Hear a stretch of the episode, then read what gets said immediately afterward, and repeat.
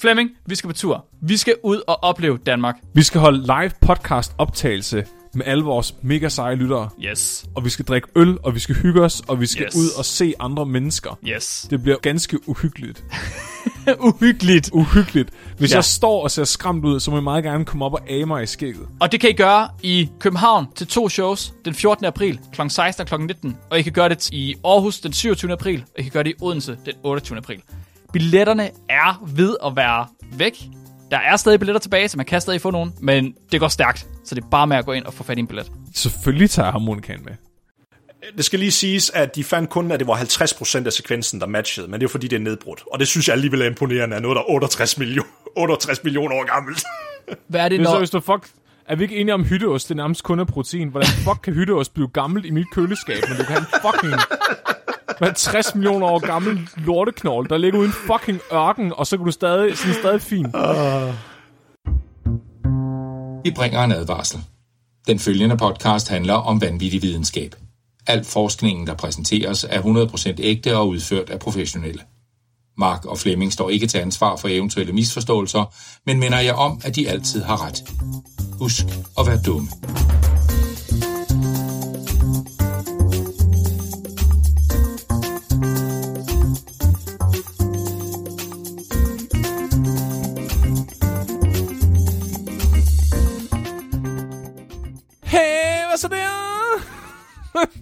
Velkommen til videnskabelig udfordring.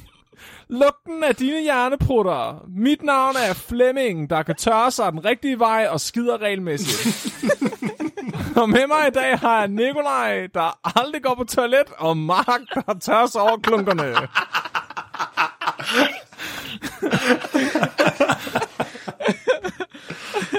Behøver jeg at være vært mere nu? Velkommen til vores videnskabspodcast, hvor vi snakker Jeg gør- om videnskab. Jeg gør virkelig alt, hvad jeg kan for ikke at få værtsrollen, men I bliver ved med at give den til mig. Vi er professionelle forskere.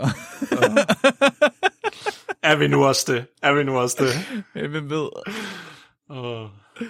Altså, jeg var inde i Folketinget i går, og jeg siger det bare. I så er du politiker, Flemming. Du er ikke forsker. Det er faktisk Nå. den værste form for forsker. Jeg ved ikke, hvad... Du er en sellout. Du er en fucking sellout. Skal vi lave podcast, Ja, eller hvad? det er dig, der er vært, nu har, Flemming. Jamen, jeg har jo lavet introen. Ja, nej, du har ikke introduceret Nikolaj. Du har ikke introduceret emnet endnu. Jo, jeg har. Jeg, Nikolaj er ham, der ikke kan gå på toilet.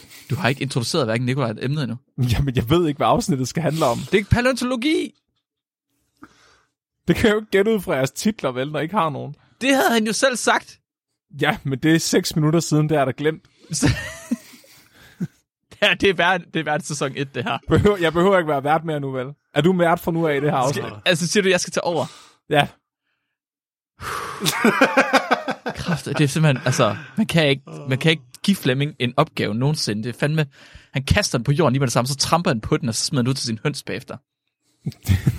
Hej, velkommen til vores videnskabspodcast, hvor vi snakker om videnskab. Ægte videnskab. Uh, I dag har vi Nikolaj med os, som er vores slave, der bor i et bur nede i Flemmings kælder. Og Nikolaj, han er med os i dag, fordi han skal snakke om paleontologi. Mm. Er det ikke rigtigt, Nikolaj? Det er det. Det er det. Hvad er for noget paleontologi, skal du snakke om? Jeg skal snakke om forskningen fra en bestemt forsker, der hedder Mary Schweitzer. Og hun har lavet noget fantastisk og virkelig sådan banebrydende arbejde. Også kontroversielt, også, men hun har virkelig vendt hele det felt ja, sådan op og ned på hovedet egentlig, her de sidste øh, 10-20 år. Og det er så hendes arbejde. Okay. jeg så fokuserer på. Så det der er paleo noget, ikke? Ja, Det er dinosauruser at gøre. ikke nødvendigvis. Det er dinosaurus videnskab. Vendt på hovedet med Nikolaj. Helt, Jeg ved ikke, hvad... helt, korrekt, Er det- helt korrekt, så er det bare alle uddøde organismer, der hører ind under det. Så du kan også fokusere på, om det er mammutter, dinosaurer, insekter, whatever. Det er alt sammen, det hører under paleontologi. Mm. Så hvad har Mary Swines øh, Så- fokuseret på? Schweitzer. Schweitzer, ja. Ja. det var næsten det, jeg sagde. Ja, jamen altså... så lige inden vi lige dykker ned i hende, så synes jeg lige, at der er lige nogle ting, vi lige skal sådan have lidt på plads. Flemming. Så hvor- det var ham, der sagde det. Fucking idiot. Undskyld. Kom nu, Nikolaj. Du skal ikke tage dig af mig. Jeg forstår ikke, hvad det var, der lige skete, men okay. Du vil bare... Nej, ikke, vi lader være med at forklare den. Vi lader Ja. det være op til lytterne, om de fangede den. Det er en god idé. Okay. Mm, yes. Så jeg ved ikke, om I er klar over det, ligesom, altså, hvor mange ting vi rent faktisk godt ved omkring dinosaurer på nuværende tidspunkt egentlig. Jeg var på Naturhistorisk Museum for nyligt, og opdagede, at alle dinosaurerne, de har fået fjer på. Mhm. Jeg troede stadig, alle museer, de troede, at dinosaurer, de ikke havde fjer. Nej. Jeg har, okay, så jeg har, øh, følger sådan lidt med i, jeg, hvert år kommer der sådan nogle rapporter for, hvad er der sket i videnskaben. Dem følger jeg med i, fordi Ja. tænker, der kan være noget til podcasten. Ja. Wow. Ja. Og der er altid røv mange dinosauropdagelser. Sådan de sidste 10 år har der bare været vanvittigt meget om dinosaurer hele tiden. Altså jeg har ikke læst, hvad det var, men det var sådan, hold da op, der er meget om dinosaurer. Hvor er hønsene? Der var hønsene. Så jeg har en eller anden idé om, at der er sket ret meget, men at der bare ikke er nogen, der har talt om det. Ja. Og det er lidt sådan, altså, jeg tror heller ikke, det hjælper med Jurassic Park-filmene, fordi de er sådan lidt stuck in the past, og jeg tror, det er der mange mennesker, de sådan får deres generelle viden fra omkring det.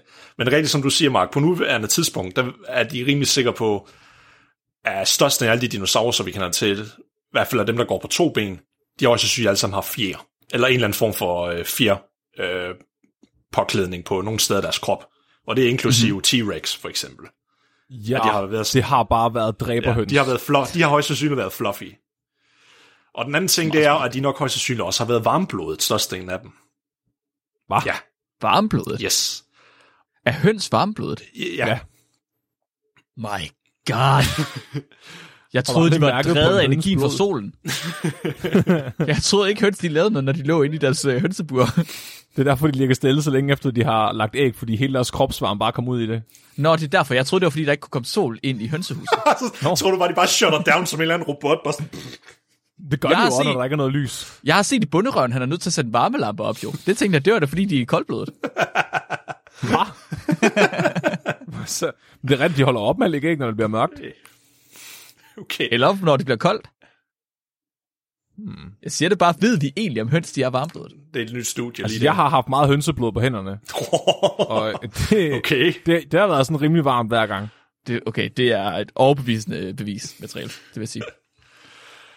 Okay, så vi ved simpelthen, at de har haft fjerdragt, og de har været varmblodet. Ja, og så også er igen dem, der går på to ben, ligesom det, der hedder terapoder, af dinosaurerne, ligesom øh, Velociraptors og T-Rex, at de også har haft et respiratorisk system, ligesom fugle, hvis I er bekendt med det. Nej. Fugle, de har nok det mest optimerede sådan, øh, vejrtrækningssystem i hele dyreriget. Og det er fordi, de har selvfølgelig et normalt sæk lunger, men så har de sådan forskellige luftsække, der er spredt rundt omkring i deres krop, for de kan optimere, for de største, når vi trækker vejret, største af den luft, vi øh, inhalerer, den bliver exhalerer vi også. Vi udnytter ikke størstedelen af oxygenen. Men det kan de, fordi de har luftsække, hvor det bliver refiltreret, og så genbrugt igen. De- Er det fordi luften bare her dårligt op i luften? Nej, det har noget at gøre med, hvordan det bliver filtreret rundt ind i dine lunger. Og så har de... Så det vil sige, at, at når, hvis du bliver jagtet af en T-Rex, mm. så skal den ikke stoppe for at trække vejret. Så bliver den ikke forpustet. Øh, nej, den er svært ved det i hvert fald, og den kan fortsætte i rimelig lang tid. Huh. Ja. Så et ekstremt effektivt øh, vejrtrækningssystem. Og så er der de her luftsække, der er spredt rundt omkring. Men moderne fugle, nogle af de her luftsække, de er inde i deres knogler. Så teknisk set trækker de faktisk vejret med deres knogler, og det har man også fundet i nogle dinosaurer. Eller i hvert fald beviser på. Det er syre. Ja. Men det giver jo god mening, fordi mange af de dinosaurer, for de kan jo være ekstremt dygtige jæger, så skal de også virkelig have en syg metabolisme, for de kan have, omsætte al deres kost til energi, sådan så de kan jage.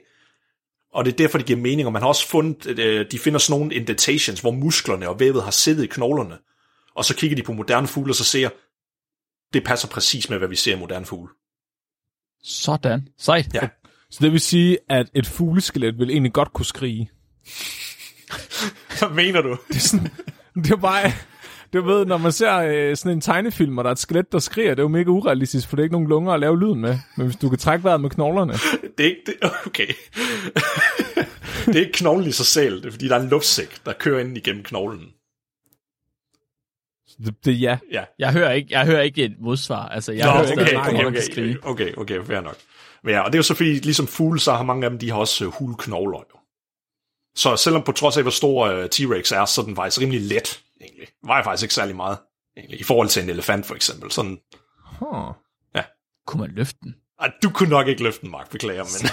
øh, øh, er du sikker? ja, jeg ved godt, du har god grebstyrke, men... Ja, den, den tror jeg ikke, den der, den går. Men du kunne nok tage fat om knoglerne på dem og klemme dem i stykker. Ja, det tror jeg nok, du kunne. Jeg har lyst til at prøve nu. det ville vildt gerne prøve, at se, om jeg kunne klemme T-Rex i stykker. En T-Rex vil aldrig nogensinde kunne give, give hånd til en far. Jeg skulle lige til at sige det. Prøv at give hånd til en T-Rex, og så bare smadre den. De der små grimme arme, de har i forvejen. Jeg kigger bare dybt i øjnene og siger, giv mig respekt. Og så bider den hovedet af dig. ja. Men det er sådan lige for, lige at få os lidt op to speed, hvor det er sådan, hvor er den nye sådan trend, eller hvor er den nyeste viden omkring det i hvert fald. Og det er nok nogle af de ting, vi lige har snakket om nu her. Men der er også nogle ting, som jeg lige skal have bragt frem, inden jeg begynder at snakke om, øh, om Marys arbejde, og det er, at paleontologi er sådan en relativt gammelt felt. Det er faktisk cirka 300 år gammelt, at det eksisterede. Og det har egentlig ikke, deres tilgang til videnskab har egentlig ikke rigtig ændret sig i de århundreder. Det er sådan set, Okay. det er sådan set lidt det samme, hvad de gør. Altså, det er i bund og grund sådan et tværfagligt fag. Altså, de skal jo både kunne øh, geologi, anatomi øh, og taksonomi, og ja, så kombineret lidt med, at de skal kunne sten, og så skal de kunne anatomi og finde ud af, hvordan dyr det hænger sammen og lignende. Jo. Og så Okay. lidt basisbiologi. Og det er de så kombineret, og så graver de jo sådan set fossiler ud, og så analyserer på dem med sådan relativt simple metoder egentlig, for at se, hvad der, er, der rent faktisk sker. Okay, så de er sådan nogle... Det, det, det, er en, det er en de der håndværkere, der siger, at de er alt muligt mænd. Ja, Dem der, der går med de, med, med de der bullock øh, overalls fra Harald Nyborg til 200 kroner. Og, har du, no- har du nogensinde set, hvordan en paleontolog går klædt, når de er ude i feltet? Øh, nej, Nå, det mener meget om det. okay. De har bare, de har bare altid en hat på, du ved. Ja. de, har, de har lige præcis den der cover her fra Jurassic Park på det alle de. sammen. De er meget stereotypiske med det der. Sådan ordner alting med en kødhammer. Ja, og, så, Ja, og så kan de lige at drikke bajer, har jeg fundet ud af åbenbart. okay. Hvorfor, har, hvorfor, hvorfor læste vi molekylærbiologi? Jeg tror, vi er blevet perfekte paleontologer. tror jeg, Det tror jeg sgu det tror også. jeg faktisk også. Kan man få en pisk? Får man en pisk, når man søger ind? Det tror jeg, man gør. Det tror jeg ikke. Det tror jeg ikke. nu. Ligesom Indiana Jones. Du kunne stå og piske mig og Nikolaj, mens vi lå og græde med penslerne. Præcis. Men nu når det er sådan en gammel felt, så har de også nogle visse antagelser, så mange af dem, der er inde i feltet, de, ja, lad os bare sige, det er sådan old habits die hard, og det er de, mange af dem, de er enige om, du kommer nok aldrig til at se en levende dinosaur. Det er sådan en rimelig okay god antagelse, tror jeg. Og det andet er, at du kommer nok aldrig til at vide, hvad farve de har haft.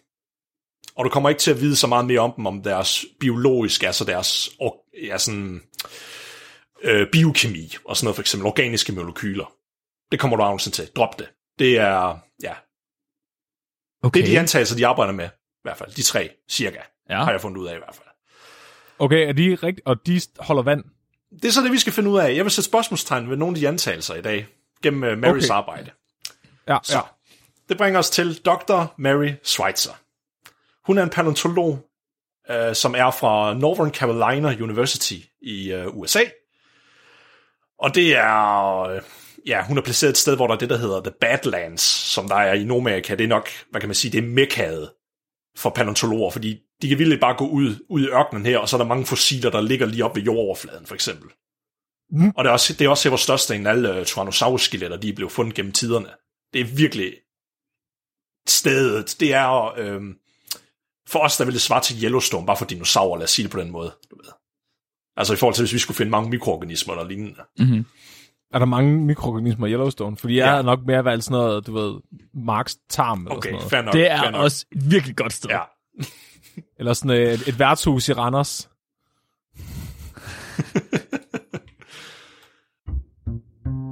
Og så Mary, hun, øh, det var så op igennem 90'erne, at hun lavede sin Ph.D.-tese. Og som sin vejleder, der kan vi lave en lidt sådan cool name drop, det var en, der hed Jack Horner. Har I nogensinde hørt det navn? Nej. Det er ham, der er den tekniske rådgiver på alle Jurassic Park-filmene. Oh, Ja. snap. Og han er pretty much, lad os sige, han er nok Esker Villeslev, svarer han til inden for paleontologi. Han er virkelig, han er the shit. Altså, hvis du har studeret Sådan. under ham, så, så ved du højst sandsynligt noget. Han er virkelig sådan en, en rockstjerne inden for paleontologi. Og under sin phd tese der er Mary, hun arbejdede på en øh, ny tyrannosaurus-skelet. De var ved at udgrave over i Montana. Og hun havde altid sådan, hun kunne have en interesse inden for mikroskopi og sådan måske lidt mere cellebiologi. Altså bruge lidt mere moderne metoder, ville hun prøve på at presse ind i det her felt. Videnskab. Ja. og så en dag, så fik hun den idé, jamen, hvorfor prøver jeg ikke bare at skære sådan en lorbingsknold over på en T-Rex, og så se, hvad der er inde i den? Og det er bare sådan, Det gør man da ikke. og det er sådan det, hvor de andre paleontologer sådan kigger på en. Undskyld mig, hvad? Du kan da ikke, du kan da ikke beskimme knoglerne. Men det fik hun skulle lov til under sin PhD. Så hun bare gå ud i de der Badlands. Hvad fanden snakker du om? Der ligger en lige der. Så hun tog... Du, du, står, du står allerede med vinkelsliberen, der er i gang med at og så kommer ind og så sådan, hvad laver du? Hvad? Så hun tog vildt og lavede sådan nogle tynde sections, ligesom sådan en øh, pålægsmaskine, du ved. Bare sådan, tit, tit, lavede sådan en tynd snit af sådan en lårbindsknogle for en T-Rex. Og så så hun gennem mikroskop, og der så hun i nogle meget sådan interessante strukturer. Hun så måske noget, der kunne minde lidt om måske sådan blodkar. Måske blodceller. Nej. Hun, hun, hun, lag, hun lagde ikke så meget mere i det end det egentlig. Og hun publicerede okay. lidt nogle resultater med det, men hun turde ikke at kommentere så meget på det. Fordi hun var virkelig bange for, jamen, ah, det kan ikke passe, det jeg har fundet det her. Det, det, det, det kan ikke passe. Det kan ikke passe. Altså, forstenet cellebiologi. Ja, ja. What? Okay. Og så går så lidt nogle år, hvor hun, hun får publiceret sådan to artikler lidt med det, men de dykker ikke så meget i, de får ikke så meget omtale. Det er sådan lidt, ja, sådan lidt obskurt egentlig. Og så øh, kommer vi på den anden side af 90'erne. Efter hun har fået sin Ph.D., hun har fået sit eget laboratorium nu, og sin egen forskningsgruppe. Så i 2003, der var der en udgravning, hvor det igen var ham med Jack, der stod for det, men hun var stadigvæk samarbejdspartner med ham, hvor der var et nyt Tyrannosaurus-skelet, der blev udgravet, og det var ekstremt velbevaret. Men Indtil hun fik fat i det med vinkelsliberen. altså, der var sådan set noget heldigt, der skete der, fordi de kunne ikke pakke den fuldstændig ned. Normalt så tager de og fuldstændig indsøber fossilerne og den sten, de sidder på i sådan en gips, og så transporterer de det enten med helikopter, hvis det er det er op på en øh, høj, hvor de ikke kan få det ned. Og her, de havde ikke plads til den i kassen, så de blev nødt til at brække lårbensknoglen, for der var plads. Åh, oh, nej. Jo. Og der kom sådan nogle små fragmenter, og så skulle de sætte den sammen igen med de der små fragmenter, så tænkte de, okay, skal allerede sket. Men så sendte de dem til Mary, fordi de vidste jo, hun var interesseret i at kigge ind i dem jo. Klart. Ja. Det blev så sendt til hende. Og hun havde jo sådan kigget lidt mere på sådan cellebiologi og molekylære teknikker. Og hun vidste jo fra levende knogler, når du er interesseret i at kigge ind i dem. Fordi knogler, de er faktisk øh, levende. Altså vores knogler. Det er kun det yderste, der sådan er hård sådan calciumfosfatmineral. Og indvendigt, der har vi sådan en matrix af forskellige sådan proteiner. Det er mest kollagen. Det er sådan lidt ligesom hvis du ser, hvis du skærer et stykke brød over egentlig. Sådan en fibernet, der er inde i et stykke brød. Det minder lidt om ind i knogler. Hvor det er Altså knoglemagen. Ja. Hvor det er sådan set bare kollagen, og så en masse blodkar, der løber derinde, og så har du så celler derinde. Men for at du kan studere det, så plejer du tit at putte knogler i en svag syre, sådan så du lige får fjernet det væk, og så har du kun det bløde væv tilbage indvendigt i dem. Og det tænkte hun, hvis jeg nu gør det rigtig hurtigt ved fossilerne, fordi man antager, at fossiler de bare er ren sten, altså det er ren mineraler, og så burde de forsvinde jo. Du burde ikke have noget tilbage, hvis du putter min svage syre længe nok. Så har du ødelagt ind i prøve. Så sagde hun til sin laboratorieassistent, okay, put den i den her svage syre her. Det gjorde hun så. Hun troede så, hun kom til at gøre det lidt for længe, hende her assistenten, fordi hun kom sådan til hende efter nogle uger. Uh, Mary, jeg tror, jeg har gjort noget forkert. For tilbage, der var der sådan et lille stykke væv, eller sådan fiberigt materiale, der var sådan squishy og elastisk, der ikke blev nedbrudt af den svage syre. Og der sagde Mary til hende, uh, okay, lad os se på det under mikroskopet. Og der lignede det, som om det var sådan, ja, eller andet organisk materiale, hvor de kunne se noget, der tydede på blodkar, der var i det. Shut the fuck up. De har ikke fundet blødt knoglevæv inde i en forstenet knogle. Altså, det tænkte Mary også. Altså, hun var også i tvivl. Hun sagde direkte, det der, det er umuligt. Gør det igen. Det kan ikke passe. Gør det igen. og så gentog hun det 17 gange til på forskellige fragmenter. Nej! Sådan. Og det alle sammen gav det samme resultat. What? Nej, okay, hvad? Ja. Men, Jeg har aldrig prøvet at gøre noget 17 gange med det samme resultat i mit liv. Nej. Flemming han har prøvet at putte en gaffel i munden 17 gange, og det virker ikke. Nej. Jeg forstår ikke, men eh, det må man da vide på forhånd, hvis man knækker den der lårbensknogle. Hvorfor er det ikke elastisk, det der inde i sig? Fordi, igen, det var en af antagelserne. Man har altid antaget, at der er ikke noget organisk materiale inde i fossiler. Det er alt sammen med sten. Og, og det er så her, hvor jeg lige vil så sige, at det skulle jeg nok have sagt før, men nu interjecter jeg det lige. Der er to ting, jeg lige skal nævne her. Det ene, det er, fordi hvad er et fossil rent faktisk egentlig? For der er, for, Der er fossiler af ja, der er forskellige måder, hvordan du kan opbygge fossil. Den nemmeste måde, jeg kan forklare det på, det er nok, hvis det er, du skal lave, lad os sige, du skal støbe en bronzefigur eller sådan noget, så vil du tage et eller andet, der kan sådan nemt smelte og brænde, og udenom det vil du lave sådan en sandform.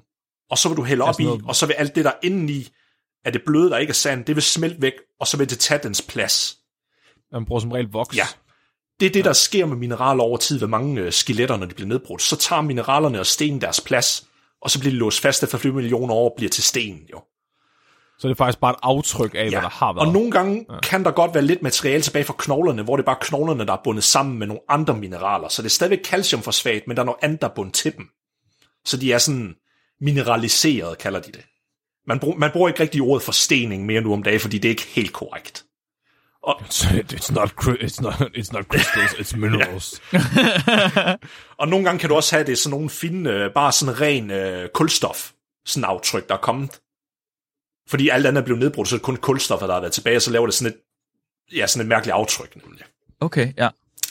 Og lige inden vi dykker videre i, hvad det var, hun havde fundet, så skal jeg lige nævne, at inden hun savede øh, de her knogler over, så så hun faktisk, at der var en vævsstruktur inde i knoglerne.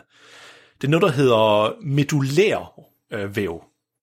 Og nu ved jeg ikke, hvor meget bekendt I er med anatomi. Medullær væv er noget, man kun ser ved fugle.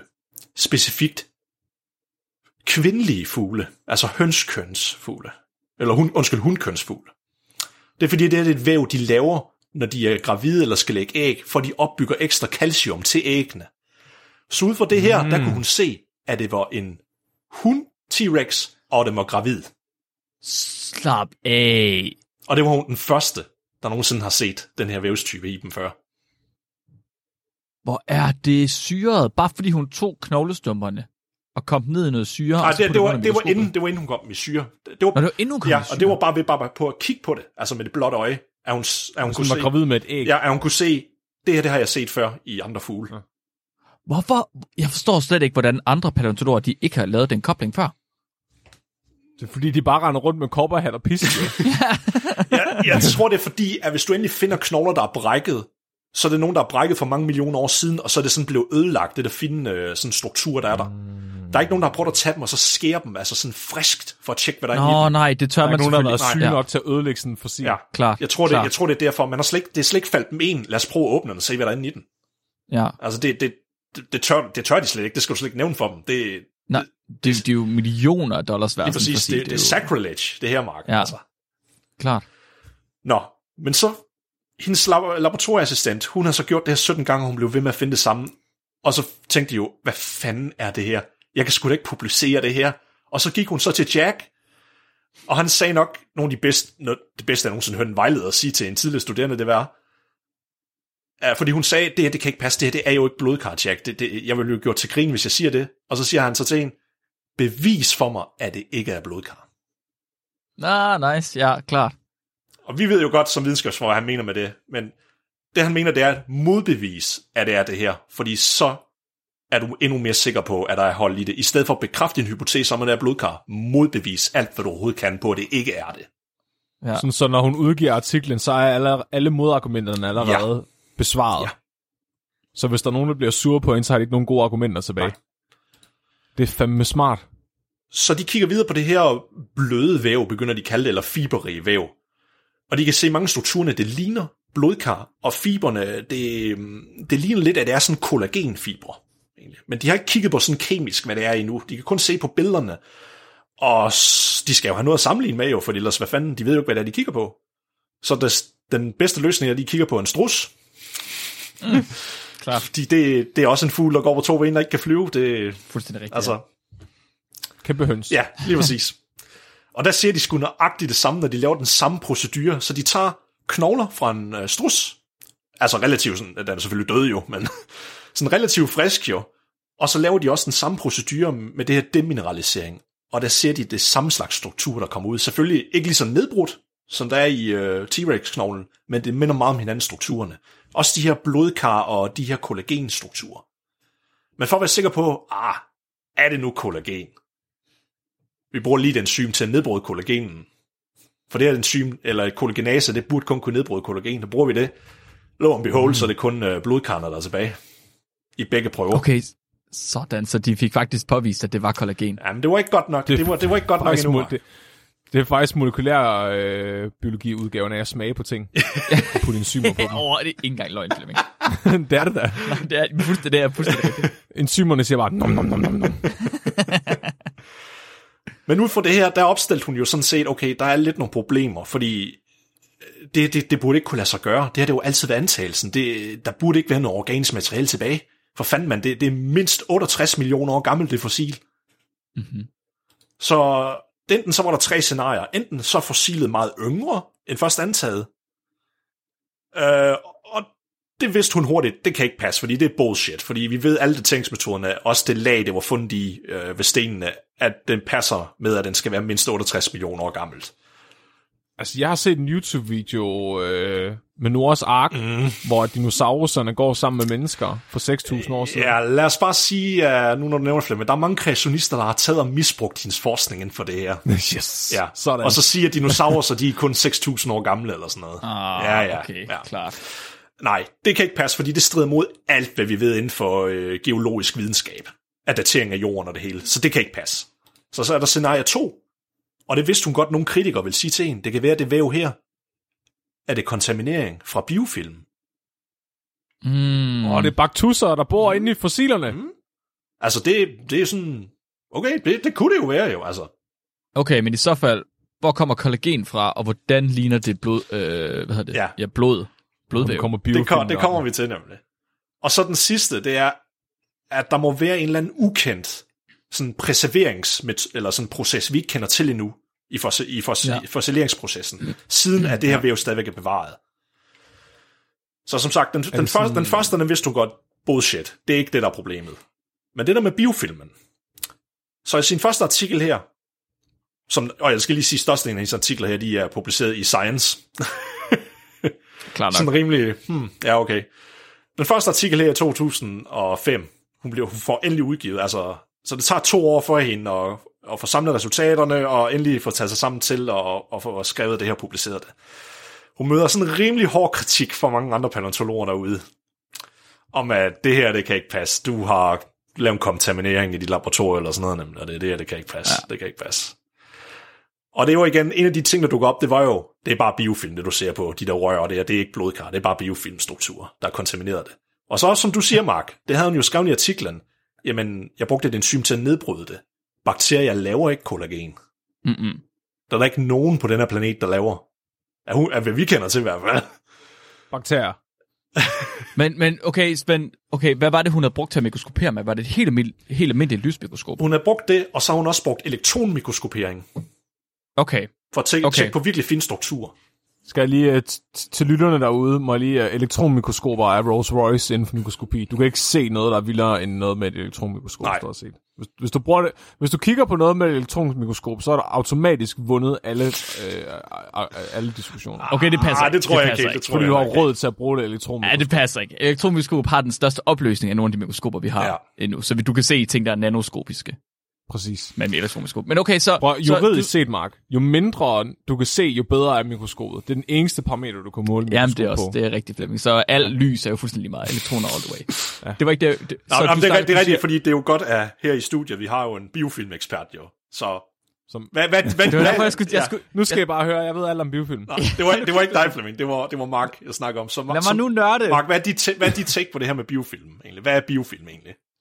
Øh, så biofilm er i virke, altså biofilm er et samling bakterier. Det er det, bakterier de lever som generelt. Det er øh, bakterier, når de sætter sig ned på et overflade, så bliver det til slim, basically. Så det er det, man finder på, det plak på tænderne, det er øh, slim, der ligger på sten nede i et vandløb, det er bunden af en båd. Alt, hvad der ligesom er bakterier, det er biofilm. Så det er celler, og så øh, udskiller de alt muligt crap. Proteiner, sukkerstoffer, DNA. Men en af de ting, der er ved biofilm, det er, at de kan lave sådan nogle specielle strukturer, de kan virkelig gøre ligesom øh, vores celler gør, når det er, at vi skal have ekstra næring til vores celler. Så laver vi øh, blodflow igennem det. Mm. Bakterierne kan i stedet for at lave små kanaler, hvor der kan komme væske igennem, så næringen kan komme rundt til alle cellerne. Og jeg tror, at det er det, de her paleontologer, de har snakket om, det er de her kanaler, de har tænkt var øh, de her, øh, hvad kalder man det, Blod, blodkar. Ja, ja. Men kanalerne i biofilm er, så vidt jeg ved, langt mindre end blodkar i almindelige øh, pat- pattedyr.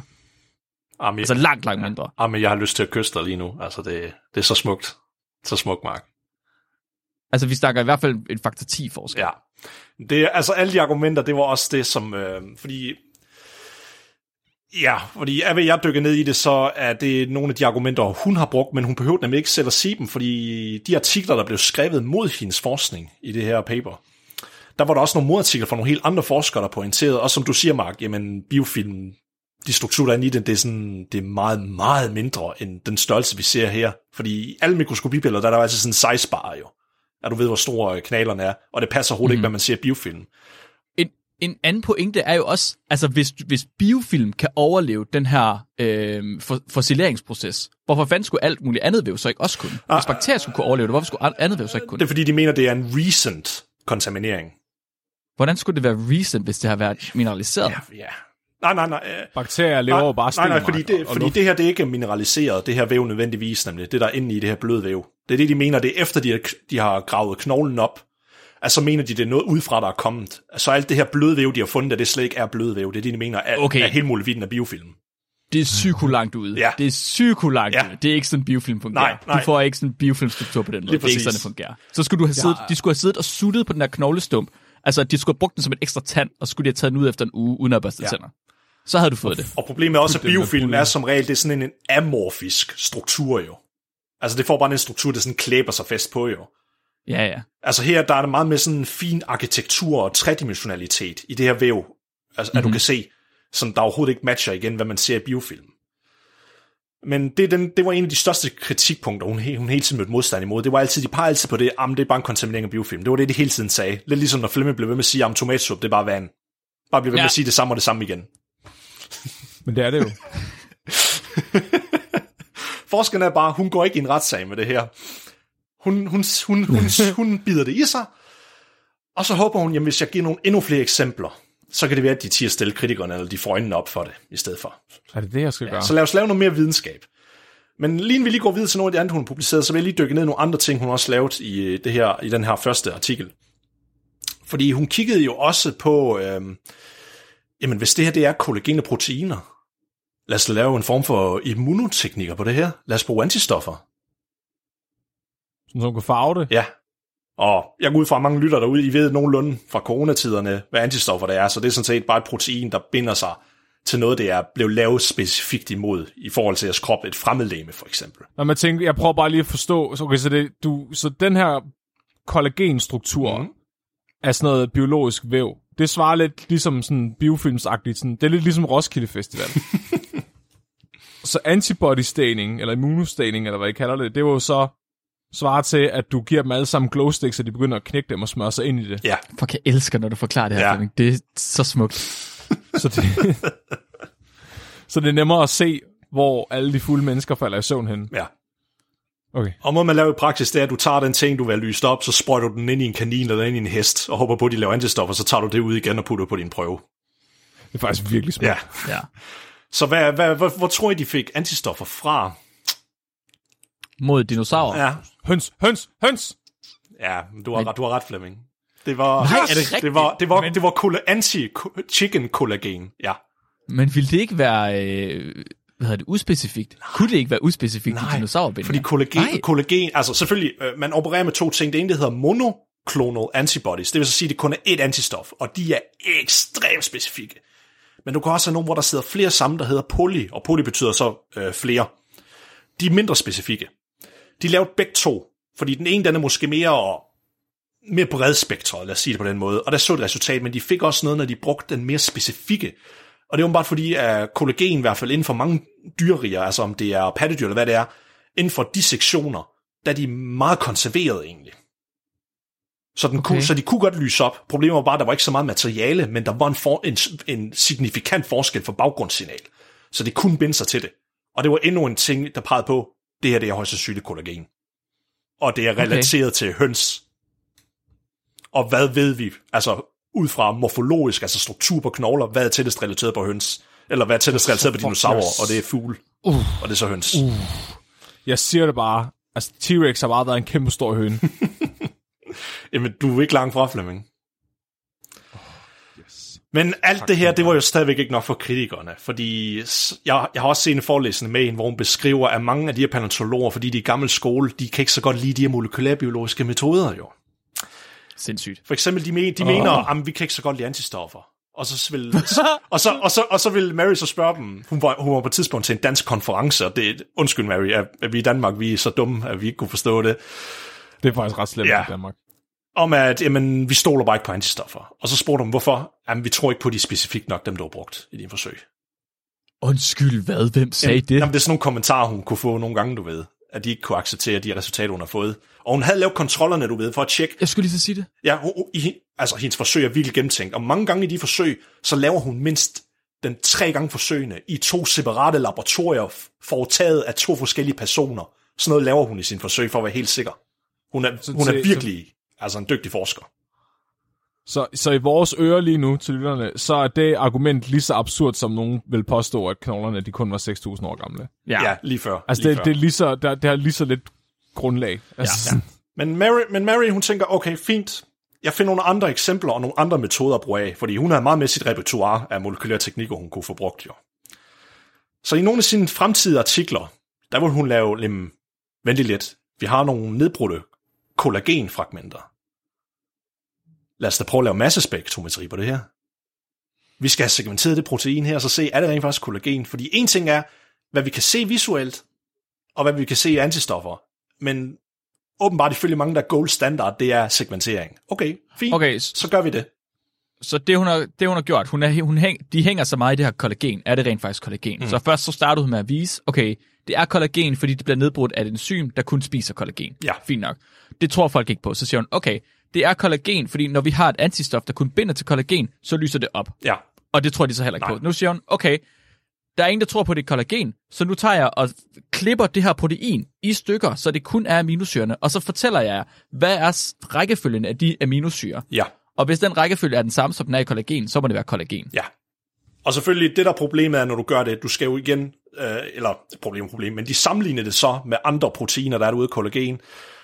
Og så lavede de et øh, fylogenetisk træ ud fra det. Det vil så sige, de, de kigger på, hvad de evolutionære sådan, relationer mellem proteinerne. Og hvilken gruppe tror I så, at kollagen faldt ind under? Kollagen? Nej, Nej, nej, nej hvil- hvilken, gruppe? hvilken gruppe af dyr tilhørte kollagen fra dinosaurerne? Nå. Hvad faldt den under af, sådan, af dyregrupper? Høns. Ja, den var tættest relateret til høns, ja. Og så, og så næstmest relateret ja. til krokodiller. Okay, Og, sådan. og det er, jeg og, elsker, at høns var tættest på. hvad? Er det godt. Jamen, det var høns, det var høns der står gallus gallus inde i resultaterne. Yes, please. Så igen, det matcher perfekt, hvad man ved, altså udelukkende fra de gammeldags metoder. Altså kun at kigge på strukturen i skelettet.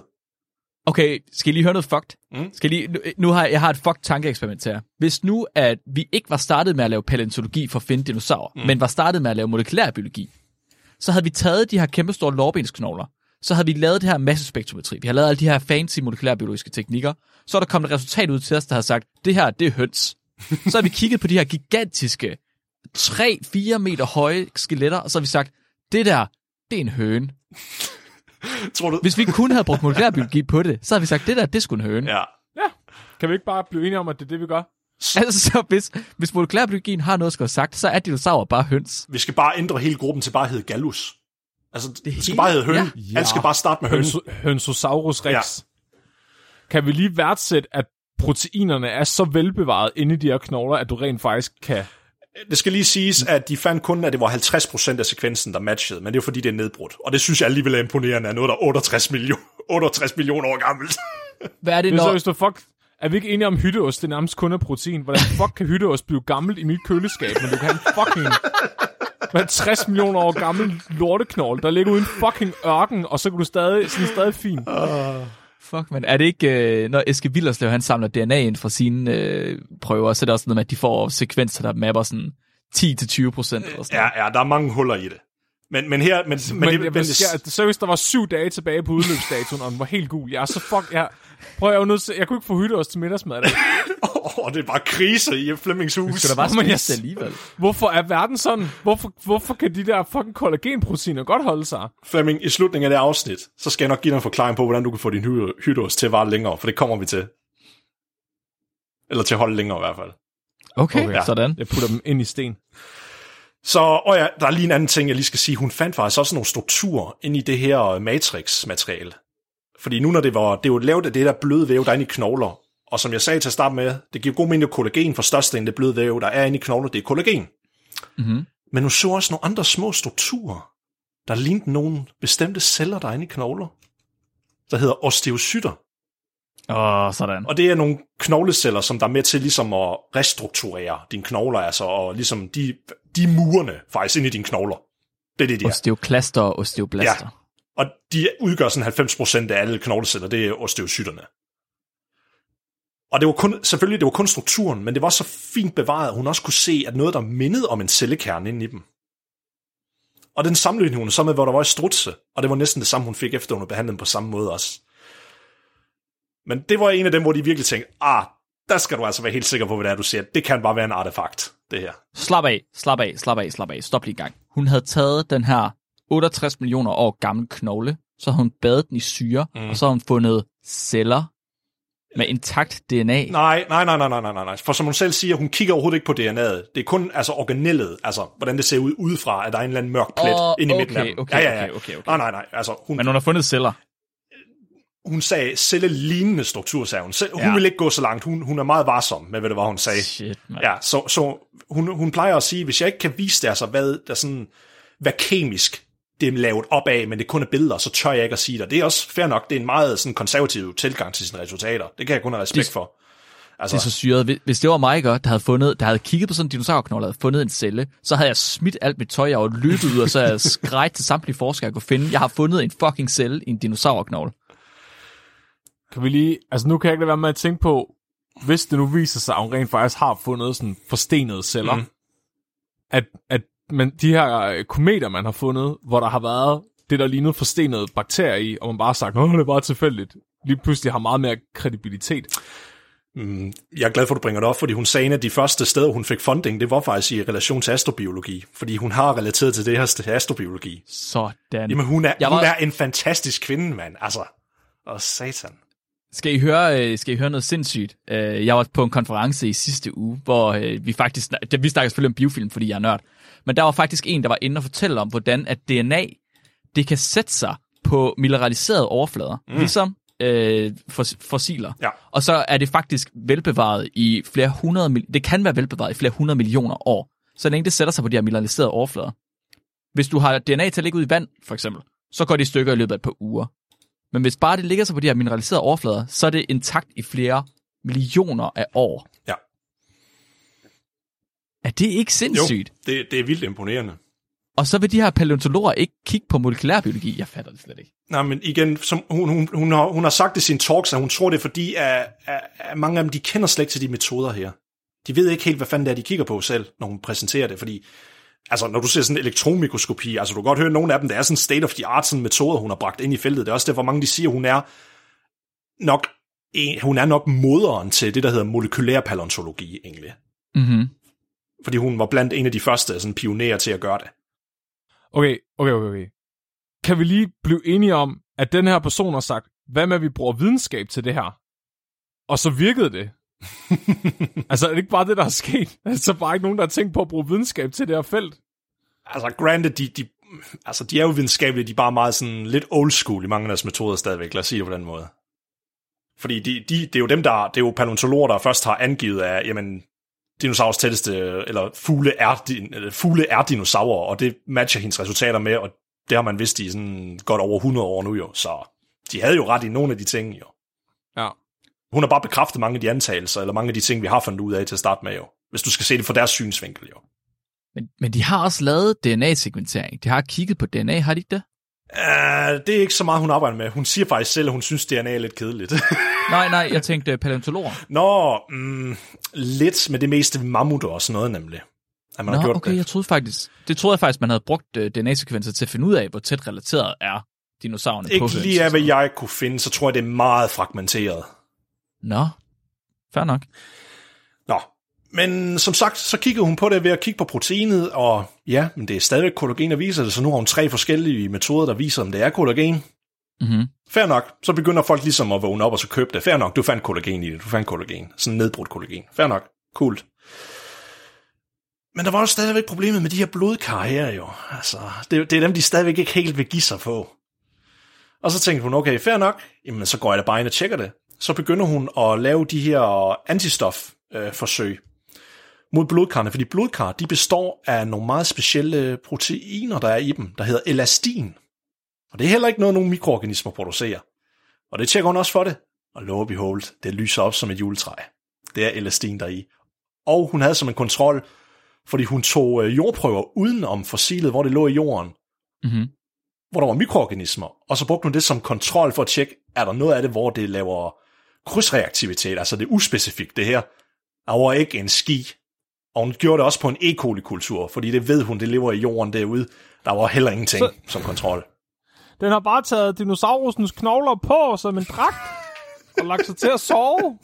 Det kunne, det kunne være, at I, mens I brækkede i lårbenet, at så var strussen bare lige kom til at kravle ind i den, mens, og I slet ikke havde set det. Det kunne godt ske, at det var der, det var sket.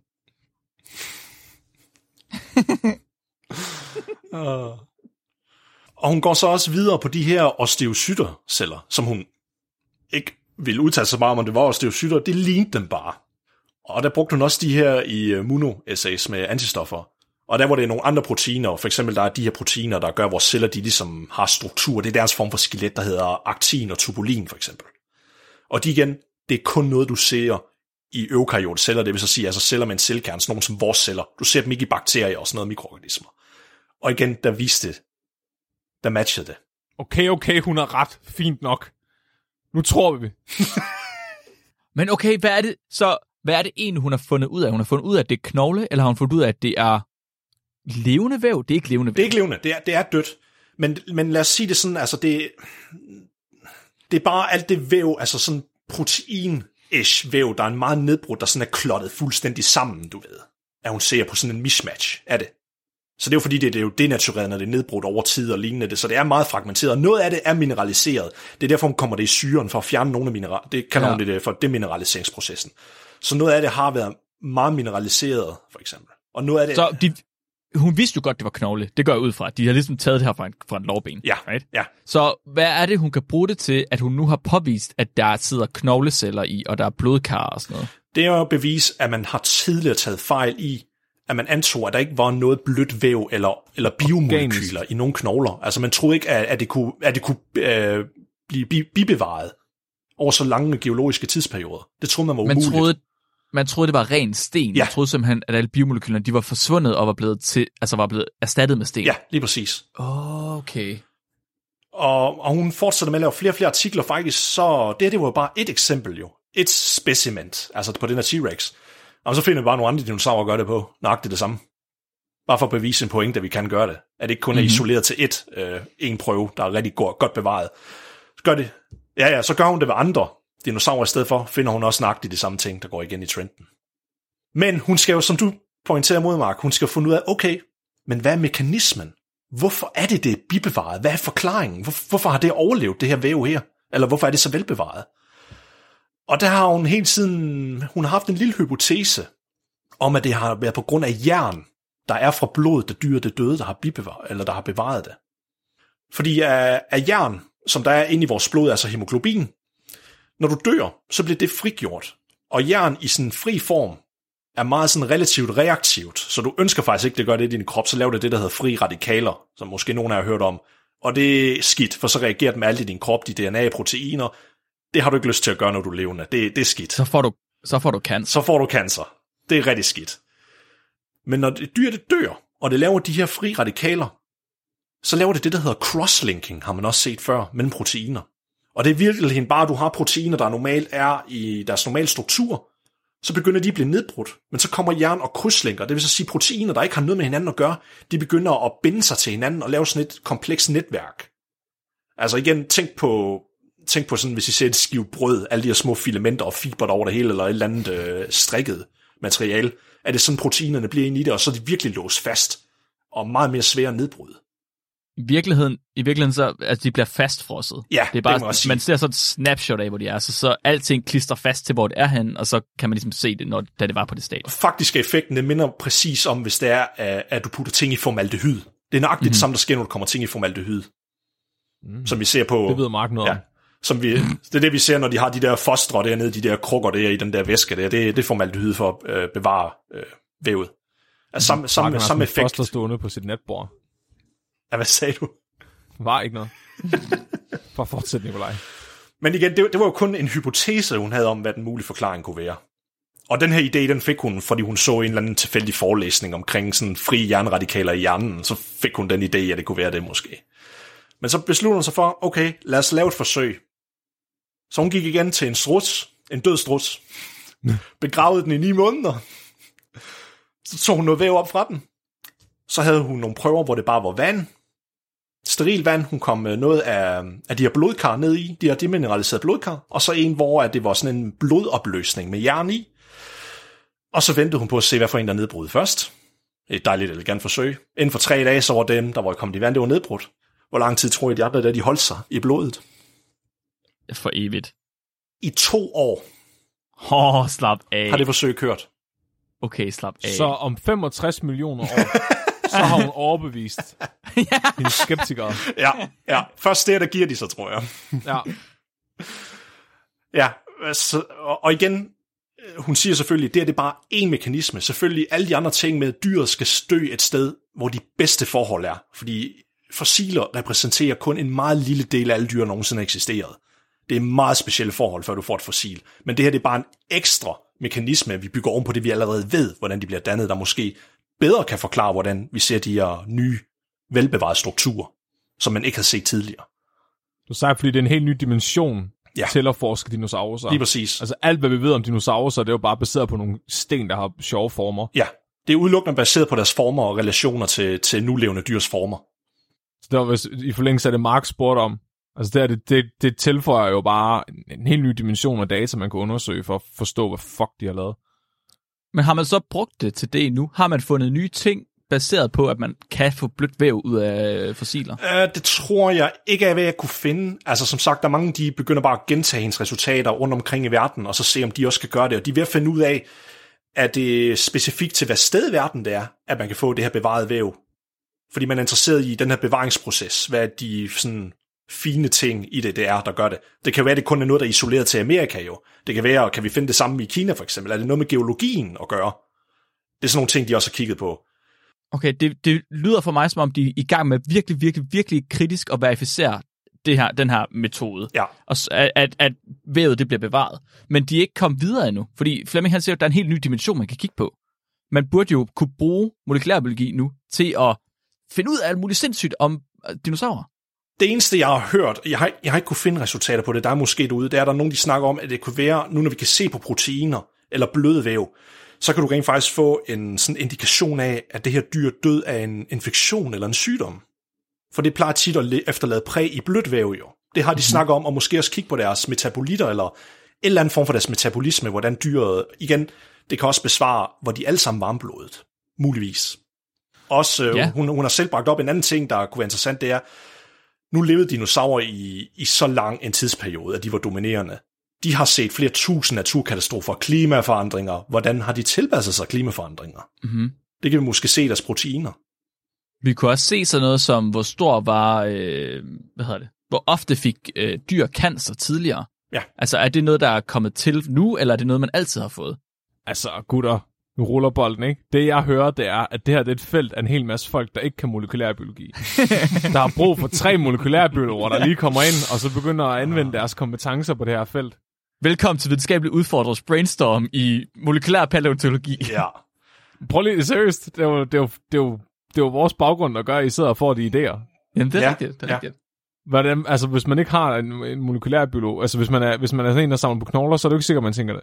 Så hvorfor, vi bliver sgu nødt til at... Kan vi ikke lave sådan en zoom-opkald til dem, eller sådan noget? Jo, altså, jeg vil ikke kunne forstå, hun er sådan... Jeg har set, hun har været på andre Zoom-opkald før, altså Mary Schweitzer, hun er sådan rimelig åben til at diskutere og sådan noget. Så Hun skal bare være med på podcasten, altså. Det skal hun fandme nok tage... Så har hun lige 30 publikationer bagefter. Hun skal bare lyde af data. Kære Mary, må vi låne knoldestump? ja. ja. Men ja, det, det var det, jeg havde. Okay, det er sindssygt. Så, så Mary har i virkeligheden åbnet op for, at vi kan finde ud af rigtig, rigtig meget nyt om alt. Ikke bare dinosaurer, alle fossiler overhovedet, fordi vi muligvis skal finde blødt væv af alt. Hun, hun har direkte, hun har bragt cellebiologi ind i paleontologi. Det er jo sindssygt. Og det er også derfor, jeg synes, hun, hun er en fantastisk forsker. Altså også bare hendes tilgang til forskningen, hvor ihærdig hun har været. Altså det der med, at hun både laver, gentager forsøgene flere gange, og gør dem over flere forskellige laboratorier, uafhængigt af hinanden, og flere forskellige personer, for at være helt sikker på, at det her, det er en reel ting. det her det er virkelig et stjerneeksempel på en dygtig forsker. Det er altså, det. det er det er en forsker, der er kritisk over for sig selv. Altså, ikke så kritisk, at hun ikke forfølger sine idéer, men så kritisk, at hun tester dem og forsøger, at, som hun fik at vide af Jack, hendes vejleder, at hun skal forsøge at modbevise dem i stedet Ja. for. Det er der virkelig, virkelig, virkelig mange forskere, der kunne lære af. Ja, helt, helt, helt enig. Det er virkelig sejt. Jamen, hun Hvor tror du... Hva, hva, undskyld. Nej, nej, jeg vil bare sige, altså for mig, hun er en kæmpe inspiration, altså et forbillede at leve op til, selvom hun er et helt andet felt, eller ish et andet felt. Der er mange ting, der går igen, jo, at vi kender til. Mm. Og det, jeg snakker om, det er kun sådan top af isbjerget. Altså nogle af de andre metoder, hun har brugt, det er virkelig avanceret mikroskopering en metode, hvor jeg bare tænkte, hvordan fanden har du haft tid til at sætte dig ind i det, når du har en paleontologi Ja, baggrund? Så hvor, hvor tror du feltet er på vej hen nu? Jamen, jeg tror, jeg tror kun, at vi begynder... Altså, vi ved jo inden for segmentering, at der, ligesom Eske Villerslev, de arbejder med det her ancient DNA, at det kan måske være, det er det, der peger hen imod. Mhm. Altså, at vi bare laver mere... Altså, der er også nogen, der snakker om det der, der hedder paleoproteomics nu, Okay. og begynder at lave det. Altså, så jeg, Kan du ikke lige forklare, kan du, kan du prøve at tease lidt for, hvad det er måske? øh, jamen, det er sådan set bare, når, du, når vi snakker om proteomics, så betyder det alt protein inden for en bestemt ting, for eksempel. Så det er det, vi mener, når vi siger omics omkring noget. Så det er bare med proteiner i stedet for. Jeg tror, vi har snakket en lille smule om, altså protein er ikke bare det, man æder. Protein er ligesom det, der udgør alt, hvad vi har i hele kroppen. Det er Ja. alt, hvad det giver som funktion, det er proteiner. Ja. Og så hvis man kan begynde at bruge det på fossiler, det giver bedre præg om, så kan du måske få en idé om, okay, hvad, hvad spiste de måske? Hvordan fordøjede de deres mad? Hvordan var de sammensat? Fordi vi er begrænset i fossiler. Vi, vi aner ikke en kæft om, hvad for noget ekstra væv har de haft? Har de haft en hanekam eller sådan noget blødt væv, der er blevet fordærvet? Ja. Du aner, ja. Ja. Hvis du ser et skelet af en spækhugger, for eksempel, det ligner overhovedet ikke en spækhugger. Du tror, det er et eller andet fabeluhyre eller sådan noget. Men lige snart, når den kommer hud og alt det bløde væv på, så ser den fuldstændig anderledes ud. Det kan, ja, ja. det kan det også hjælpe med at give et billede af, for eksempel. Nikolaj. Mm? Nikolaj, sidder du og fortæller mig, at en T-Rex måske har haft hønseklunker? Jeg kan ikke udelukke det. Altså, det kunne godt være. Pli- det er en t-shirt. En, t- en T-Rex med hønseklunker. Det, Det er den næste videnskabeligt udfordrede t-shirt, lige der. Altså, Det er overhovedet ikke en dårlig idé. Flemming, Og jeg fik selv ideen. Det var ikke Nikolaj.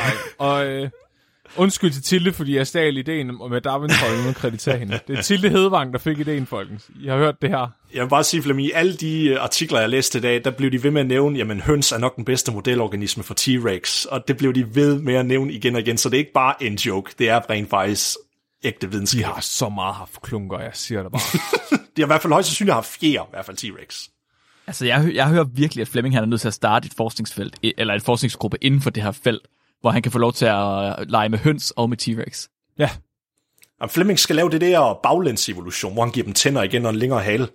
Ja, det er en virkelig god idé. Det synes jeg også, du skal. det tror jeg vil være en, en rimelig stor trussel mod øh, moderne civilisation. Og- Jeg kan lige, det ved jeg ikke, om det, det gør det til et bonusklip. Der var faktisk en ekstra artikel, at jeg havde med, jeg lige hurtigt stod frem, og det er fordi, at kære Jakob Møller, han har bragt det her op på et tidspunkt, og synes, vi skulle have det med, så nu bliver jeg nødt til lige at tage den med, synes jeg. Fordi der er jo også andre ting, vi kan kigge Som du sagde, Mark, det her det har åbnet op for andre ting, man kunne kigge på på et molekylær plan. Og ved I, hvad melanin... I ved jo godt, hvad melanin det er jo. Altså, det, det er pigmentet, vi har i vores hud, der gør, at vi bliver brune på et tidspunkt. Lige præcis. vidste jeg godt. Lige præcis. godt, Flemming. Og rigtig mange dyr, de har en form for, de har melanin i forskellige koncentrationer. Derfor, fordi afhængig af koncentrationen, du kan, have, det, du kan få farven sort, grå og sådan rødbrun, kan melanin give dig. Og de er typisk sådan inde i sådan nogle, inde i cellerne, der er de inde i sådan et, øh, deres eget rum, der hedder øh, mel, mel, melanosom, hvor pigmenterne mm-hmm. sidder i. Og dem har man også kunne begynde at finde i fossiler. Ja, så du kan finde farverne på dinosaurerne? Ja.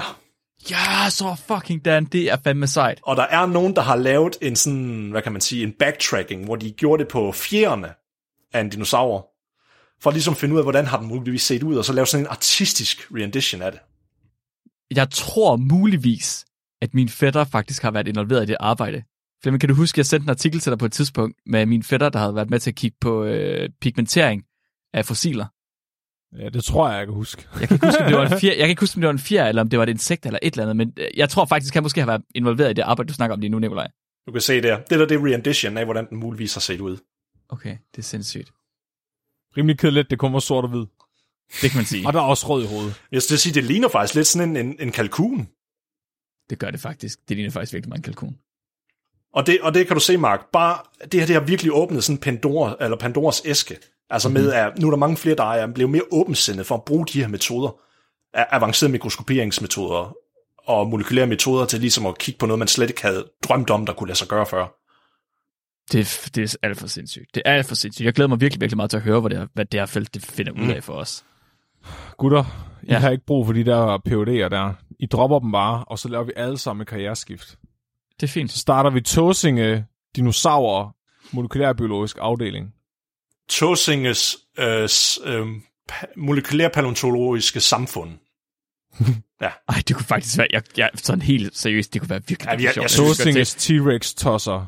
Ja, så, så et center, hvor vi kunne have både formidling og forskning, og Flemming han kunne få lov til at opdrætte høns, og være mærkelig. Og, ej. Det er den der, børne, Det det, er den der park derude foran, hvor du bare kan smide dine børn af. To, Så der er nogen skal jo få hønsene. oh god. Jurassic Park. Shit, mand. Tusind, tusind tak, Nikolaj. Det var øh, meget smukt. Det var meget, meget nørdet i dag, men det, jeg synes, det er rigtig rart, at vi en gang imellem kan have et virkelig, virkelig nørdet afsnit. Jeg ved, vi har nogle lytter, der skriver ind og spørger nogle gange, om vi ikke kan gå sådan virkelig dybt med et eller andet, for virkelig forklaret, hvad det er. Det de spørger om, det er, om Nikolaj ikke snart kommer med på podcasten igen. Det er, det er basically det, det så spørger vi kan holde op med at snakke om afskårende tissemænd og høns. Ja. Jamen, det, det kan jeg også snakke om, hvis det er. Uh, uh så Nikolaj længe du er lige dog. så nørdet, som du plejer at være. Okay. Inden vi øh, afslutter helt, så øh, har vi et øh, lytterspørgsmål, som jeg synes, vi skal svare på. Er I med på den? Mm. Stine Bødal, hun har skrevet ind, og så har hun spurgt, hvor meget betyder vores IQ egentlig for de evner, vi har? Både det helt basale, som er på det autonome nervesystem, men også alle de, øh, alt det, vi, se, vi selv kan styre med bevidstheden. Dog måske uden at tænke over det.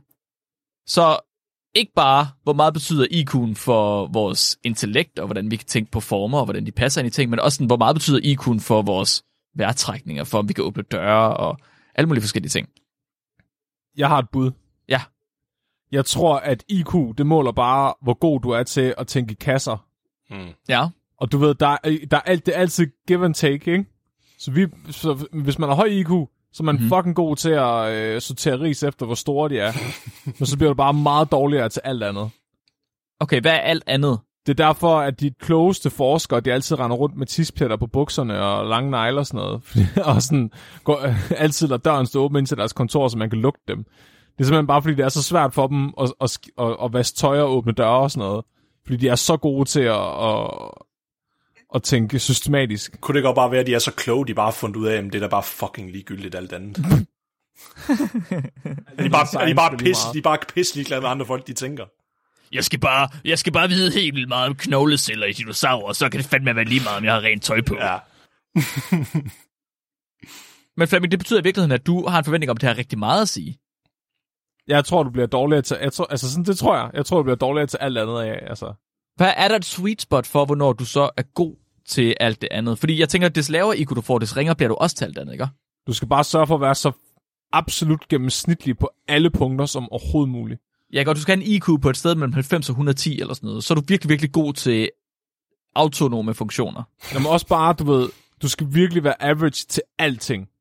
Til Ikke alting. bare IQ. Ja, du skal bare være Nå. Nå. average i alle retninger. Det er ligesom ham der, The Mole, fra, der var i Nordkorea. Ja. Ikke? Han var, det var det, de sagde. Han var, han var så normal og så så normal ud, at der var ikke nogen, der kunne huske ham. Og han, han var fucking, han infiltrerede Nordkorea. Altså, Ja, det er rigtigt. han var bare så talentfuld til alting, fordi han var totalt gennemsnitlig. Det kan jeg godt se. Så du siger faktisk, at hvis man, er vir- hvi- hvis man bruger alle sine experience points på at for eksempel åbne døre, så bliver du for god til at åbne døre, så kan du ikke finde af at gå længere. Jeg kan du ikke finde ud af at, at, at, at samle ting op, når du endelig er kommet ind ad døren. okay. det Nej, nej, nej, nej. Du skal, du skal bare putte alle dine point i karisma, for så kan du bullshit dig igennem alt. se. Jamen til gengæld kan du ikke finde ud af at åbne døre. Jo, jo, fordi du, du, du, du har så meget karisma. Du får bare en anden en til at åbne døren for Det dig. kan Jo. jeg godt se. Det kan jeg godt se. Måske er det faktisk det, han har gjort ham fra Nordkorea, Flemming. Det kan også godt være. Så vinder du i livet, hvis du bare er charmerende nok. Det kan jeg godt se. Cheat codes. Okay, er det vores svar til Stine? det tror jeg.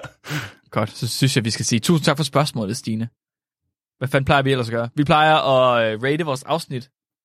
Sidste uges afsnit, afsnit 59, der, var, øh, der handlede om øh, krammermarked for kropsdele, om de her body brokers, der simpelthen skar doneret kroppe i stykker og solgte dem videre til øh, den næste person.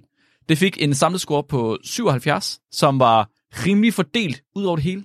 Den laveste score var på øh, hvad hedder, videnskaben, og så ellers så kunne vi overhovedet ikke blive enige. Men en rimelig høj score og den samme score som øh, afsnit 308, der handler om Auchi, som måske er øh, meget i samme stil.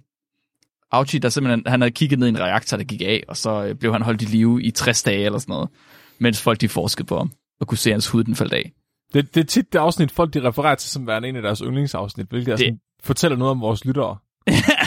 det fortæller virkelig meget om vores lyttere. Ja. Det kan være, det her uh, Bodybrook-afsnit, det også bliver et af de nye gode. Det er nok de samme slags mennesker, der kan lide det her også. Det tænker jeg. Cool. Nikolaj, du er med i dag. Mm. Har du ikke noget, du kunne tænke dig at sige til lytteren? Nej. Nej? jo. Nå. Um, altså, først og fremmest vil jeg sige tusind, tusind tak for alle de jer, der er derude, der bare gider lytte til os, og så også bare støtte os på tier. Og når ja, det fører også ind i en segway. Hvis der er I andre derude, I gerne vil støtte os, så kan I støtte os ind på det, der hedder tier, hvor I kan give os nogle penge, som Flemming nok vil sige. Køb nogle penge Ja, til undskyld, køb nogle penge, mm. køb nogle penge til os, og I kan donere lige hvad I vil, egentlig det andet. Men det behøver I ikke at gøre for at lytte til os, bare, i hvert fald jeg er bare glad, så længe I bare gider at lytte til os, egentlig. os. Pengene går ubeskåret til hønsenes beskyttelse. Og til at jeg kan få noget ned i mit bur, tak. Ja, det passer ikke. 1% af pengene går til en frisk hø til Nikolaj. Og, der, og, og jeg har en ny kampagne, den skal 2% skal vi increase den til. Prøv at høre, han får sgu da ikke hø, det er alt for godt. Han får halm. Undskyld. Det vidste jeg ikke. Øh, Det vidste jeg ikke. Jeg ved slet ikke noget om, hvordan så skal vi have nogle flere tierstøtter, og så kan det godt være, at vi går lidt over hø en gang imellem. Jeg så kan han får, også spise jeg får af bare de der træspunder, når Flemming har været ude og høvle noget træ. Hvis man vælger at støtte os på tier, så får man også mulighed for at følge med på Discord, når vi optager live, hvilket vi gør hver eneste onsdag. Og man får adgang til afsnittene øh, en uge før tid, og man får adgang til et helt Google-drev fyldt med ekstra godter. Altså gamle klip og vores sange og whatever vi ellers har lavet. Det Billeder af mine på fødder. Hvad siger du? Der er billeder af mine fødder derinde. Der er billeder af Flemming Søder derinde, med og uden neglelak. Mm-hmm. Ja, der kan jeg bare se. Nissel. Flemming, øh, ved du, hvad næste uges afsnit kommer til at handle om? Nej, Sådan. det gør jeg sgu da ikke, mand. Sådan. Jeg er i gang med at læse op på noget, der måske kunne blive Auchi nummer to.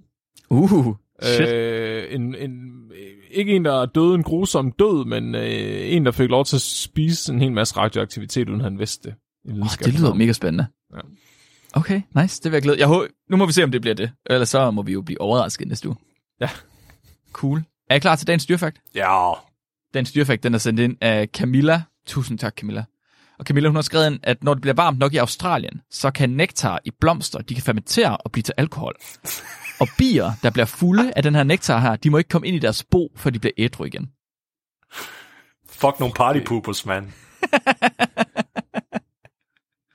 Så bier, de kan blive for fulde til at komme ind i deres bo igen. Altså, har du, har du set, hvordan nogle af dem de flyver? De er sgu da allerede fulde i forvejen, mand. Ja, de er allerede fulde i forvejen. Mit navn er Mark, Mit navn er Nikolaj. Jeg er Flemming. og du er blevet videnskabeligt udfordret. Husk at være dum.